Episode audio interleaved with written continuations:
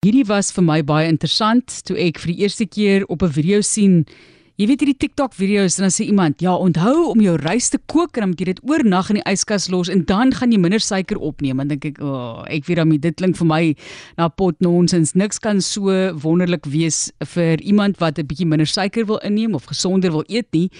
Toe kom daar nog mense wat sê as jy jou brood vries of jou pasta vries, hoe dit ook al sê oornag of koud maak oornag, dan is die glikemiese indeks laer. Ignatius het vir Maritza van Sail gaan praat, gaan vra of sy met ons daaroor kan gesels as 'n dieetkundige en ons kyk na daardie stelsels. Baie welkom aan jou Maritza. Baie dankie Martelies. Dit is so interessant. Vind jy ook dat daar baie mense is wat nie hiervan weet nie?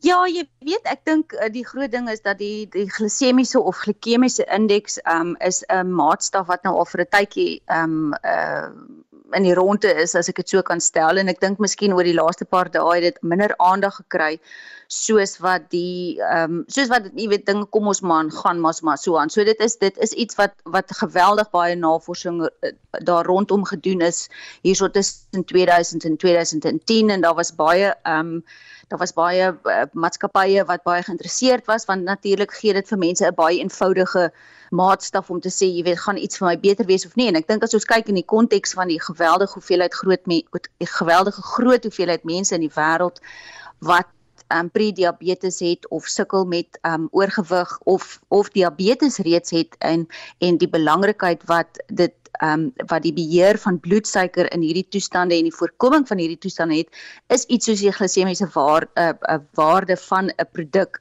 natuurlik 'n uh, eenvoudige maatstaf. Geld dit vir alle stysels, rys, pasta, gnocchi, aardappels. Gee ons asseblief so, idee.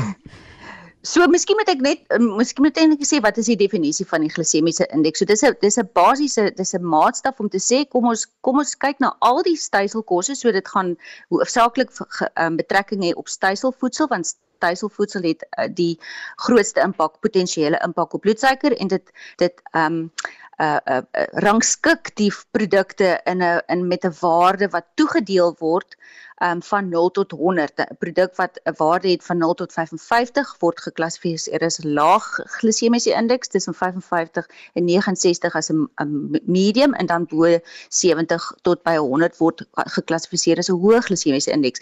En hierdie die hoe weet ons wat die glisemiese indeks waarde van 'n voedsel is. Dit word getoets deurdat dit vir mense gegee word om te eet. Gewoonlik moet jy 'n groep hê van 'n minimum van 10 mense. Hierdie mense eet die eet die spesifieke voedsel in 'n in 'n bepaalde porsie en hulle bloedsuikerrespons word dan gemeet en dan afhangende van wat gebeur het, is daar dan 'n berekening wat gedoen word om te sê is dit laag of hoog nie. So sien ons dan byvoorbeeld dat iets soos byvoorbeeld 'n uh, 'n uh, boontjies of lensies sal 'n laag glisemiese indeks ehm um, waarde hê en iets en en dikwels sal iets soos 'n 'n brood, 'n volgraan brood kan 'n moontlike medium glisemiese indekswaarde hê en dan um, suiker, glikose suiker het die hoogste waarde, dit het 'n waarde van 100 en iets soos witbrood gaan ook 'n hoë glisemiese waarde um indeks. So dit is waar die glisemiese waarde vandaan kom. Nou om jou vraag te antwoord, het dit betrekking op gaan dit 'n verskil maak as jy enige iets koud maak? So miskien moet ek net verduidelik hoe die beginsel is. So wat basies gebeur wanneer 'n mens stysel kook, is dat daar is verandering in die struktuur van die stysel en wanneer jy dan daai kosse weer afkoel, dan is daar weer 'n verandering in die struktuur van die van die stysel wat in daai spesifieke voedsel is. Um byvoorbeeld in die geval van mielie oliepap wat wat afgekoel word vorm 'n stysel met die naam van 'n weerstandige stysel wat dan beteken jou jou liggaam moet letterlik harder werk om daai styseldeeltjies af te breek sodat dit dan opgeneem kan word as suiker wat in jou bloed dan nou vir jou van ehm um, uh, vir jou selle gaan energie gee.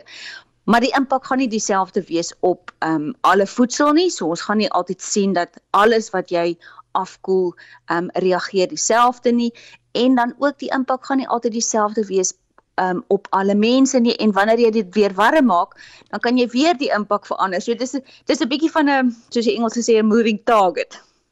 So sal jy voorstel dat 'n mens dit wel doen indien jy nou besluit jy gaan nou byvoorbeeld rys eet vanaand dat jy gister alreeds hierdie rys nou kook en dit hooplik so koud as moontlik eet. So gee net vir ons raad oor hoe ons moet omgaan met hierdie inligting. Een van die studies het gesê tot 30% vermindering in die glikemiese in ja. indeks. So 'n mens wil ook nou maar inligting wat daar beskikbaar is gebruik tot jou voordeel sover moontlik, maar mens wil ook nou nie jou kop in die sand gaan druk nie.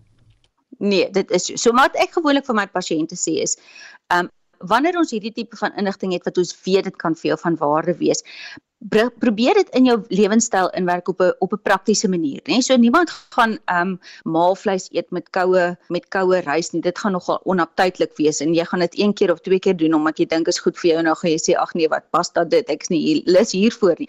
So my aanbeveling is gewoonlik om vir mense te sê dat wanneer jy warm stysel ehm um, of styselkosse wil eet saam met 'n gereg en jy moet oppas ehm um, jou bloedsuiker is geneig om miskien te piek nadat jy 'n maaltyd geëet het ehm um, kies dan stysel opsies wat van nature in die warm formaat ehm um, 'n laer glisemiese indeks gaan hê of kombineer byvoorbeeld 'n stysel. So jy sal byvoorbeeld sê ek maak rys maar ek sit lensies by my rys of ek maak ek ek kies 'n durum um, koring pasta want ons weet dit het laer glisemiese indeks.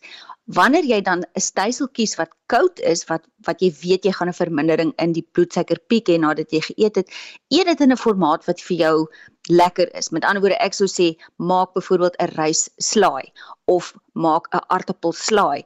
Um, want al hierdie kosse gaan dan vir jou 'n laer impak gee. Ehm um, soos jy lief is vir aartappel en jy weet jy moet versigtig wees want dit kan jou bloedsuiker laat piek fokus dan liewer om te sê, goed, ek gaan liewer 'n aartappelslaai eet as wat ek warm aartappels gaan eet as dit sin maak. Dit maak baie sin. Mens moet jou gesonde verstand gebruik, né? Jou common sense soos hulle in Engels sê. En ek het hier 'n artikel ook beskikbaar wat ek vir mense kan gee. Mens moet versigtig wees oor wat jy lees aanlyn, maar ek sal die artikel vir jou stuur en dan kan jy net vir my sê ja of nee in terme van die inligting. Dit is eintlik maar 'n studie. En dan moet mense weier gaan kyk, maar tog kan dit van waarde wees. Nou nie vir iemand wat 100% diabetes het nie. Ek moet jy moet nog steeds maar jou medikasie en so aan gebruik en ag nee, maar mense moet verder gaan lees en soos ek sê gesonde verstand gebruik. Verseker en ek dink as ek vir die vir die luisteraars een wenk kan gee wat 'n geweldige hoë impak het op bloedsuikerrespons is om jou kos ordentlik te kou en stadig te eet. Ehm um, dit alleen gaan al maak dat jy minder van 'n uh, 'n uh, bloedsuikerpiek het na 'n maaltyd waarin jy stysel gehad het. En gaan stap blykbaar nadat jy geëet het. of hoe? Ja, soos die ou mense na aandete, nê, en gesels met jou bure oor die hek.